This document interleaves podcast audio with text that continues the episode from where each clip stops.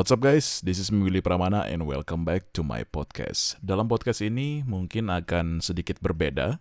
Saya tidak akan melontarkan kritik-kritik dalam podcast ini bukannya karena takut ya, tapi memang tema dalam podcast ini saya hanya ingin berbagi saja tentang bagaimana akhirnya saya sekarang menemukan sebuah pekerjaan yang betul-betul menghasilkan. Jadi ceritanya panjang. Begini, kita mulai mungkin dari secara ringkas saja.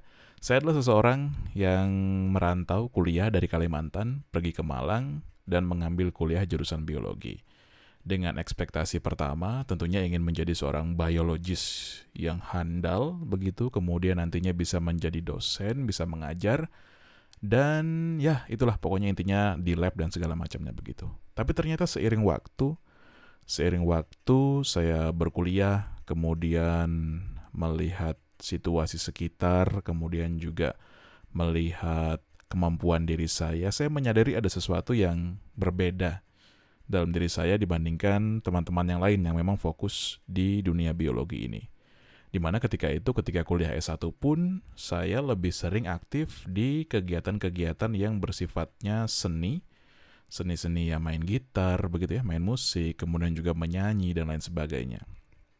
Nah, dari sana akhirnya dengan segala macam drama dan juga ya drama perkuliahan lah pokoknya ya. Dengan segala macam drama perkuliahan akhirnya saya berhasil lolos. Bukan lulus ya lolos dari S1 dengan rentang waktu sekitar empat setengah tahun empat setengah eh empat setengah tahun ya ya empat empat setengah gitulah pokoknya empat lebih empat tahun lebih begitu nah ketika lulus dengan IPK IPK yang ya dibilang jelek juga enggak juga, dibilang bagus juga nanggung ya. Saya 3,09 IPK terakhir ketika lulus.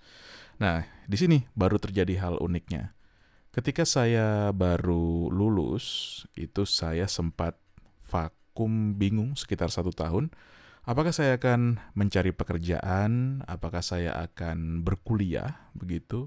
Ataukah melakukan hal-hal yang lain? Karena jujur ketika itu saya lulus tidak punya bayangan dan soft skill pun tidak ada pada waktu itu ya. Saya tidak terlalu aktif di organisasi yang besar begitu, sosialisasi juga agak kurang karena deep down saya adalah seorang introvert yang lebih suka menyendiri daripada bergaul dengan banyak orang. Dan akhirnya karena sudah vakum begitu, ada lowongan beasiswa-beasiswa, coba dengan pikiran, ah kayaknya mendingan saya S2 dulu deh. Siapa tahu dengan S2 akhirnya bisa lebih mudah dalam mencari pekerjaan.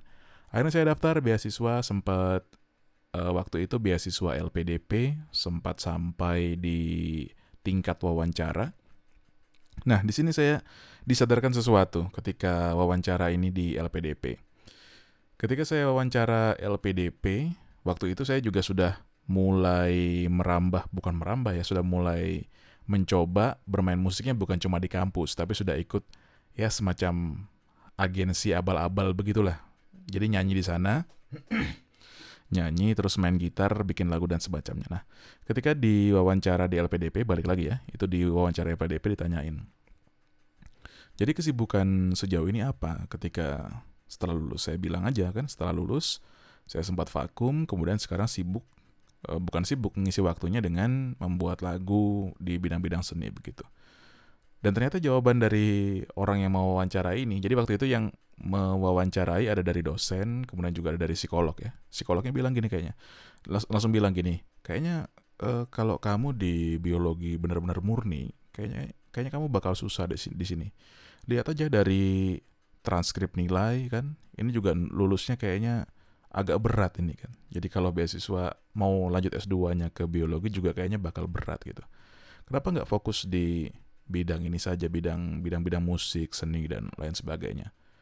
Waktu itu saya kepikiran langsung kayak, oh iya, jangan-jangan memang di sana jalannya yang bisa lebih lancar begitu.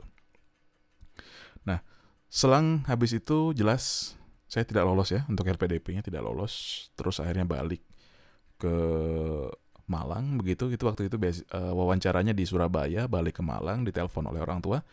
Terus next step-nya bakal gimana? Akhirnya saya bilang kayaknya S2 di Malang dan mengambil jurusan soal lingkungan. Soal lingkungan begitu. Ya, soalnya saya berpikiran waktu itu kayak kalau lingkungan ini kan tidak pure kita berbicara soal sains dan dan ya dan teman-temannya itulah. Tapi juga kalau bicara soal pengelolaan lingkungan kan ada juga aspek sosialnya, aspek budayanya yang mungkin saya lebih memiliki peluang untuk di sana. Akhirnya akhirnya eh, setelah itu saya pun mendaftar dan keterima S2 kembali dengan jurusan tadi manaj nama lengkapnya sih pengelolaan sumber daya alam lingkungan dan pembangunan. Itulah pokoknya. Nah, tapi tapi uh, kuliah S2 ini saya tidak pure kuliah saja. Karena saya berpikiran di awal kayak kalaupun saya cuma kuliah, kayaknya lulus juga bakal gitu-gitu lagi karena saya tidak punya soft skill at all waktu itu. Bahkan ketika presentasi pun, walaupun orang-orang bilang bagus ya, tapi saya merasa kayak I don't know how to deliver I don't know how to speak with people, I don't know how to how to make some yeah some sentence, some argument seperti itu. Akhirnya saya memutuskan ah kayaknya saya coba deh mendaftar di radio waktu itu. Singkat cerita, saya mendaftar dan ajaibnya walaupun tidak pernah punya pengalaman sama sekali, saya keterima di radio. Saya keterima di radio dan setelah keterima di radio, itu dilatih tuh di radio saya latihan jadi baru awal mulai terjun ke dunia radio itu di 2016. Itu saya sebelumnya buta sama sekali tidak tahu. Dan di 2016 itu ketika saya sudah itu ya sudah masuk ke dunia radio, saya berlatih dan mulai siaran waktu itu. Dan suara saya aduh kacau.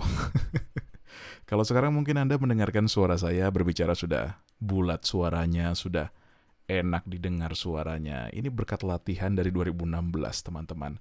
Jadi tidak ada sesuatu yang muncul karena instan. Karena yang sesungguhnya yang instan itu tidak ada di dunia ini ya. Karena mie yang instan pun kita harus merebus dulu, ada prosesnya. Jadi yang instan tidak ada, catat itu ya.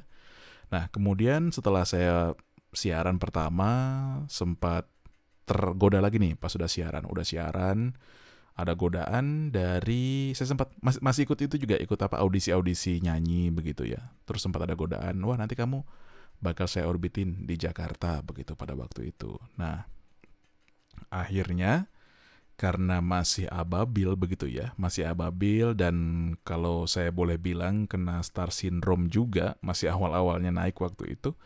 Akhirnya saya berhenti jadi penyiar, kemudian mencoba mengejar mimpi menjadi penyanyi di Jakarta.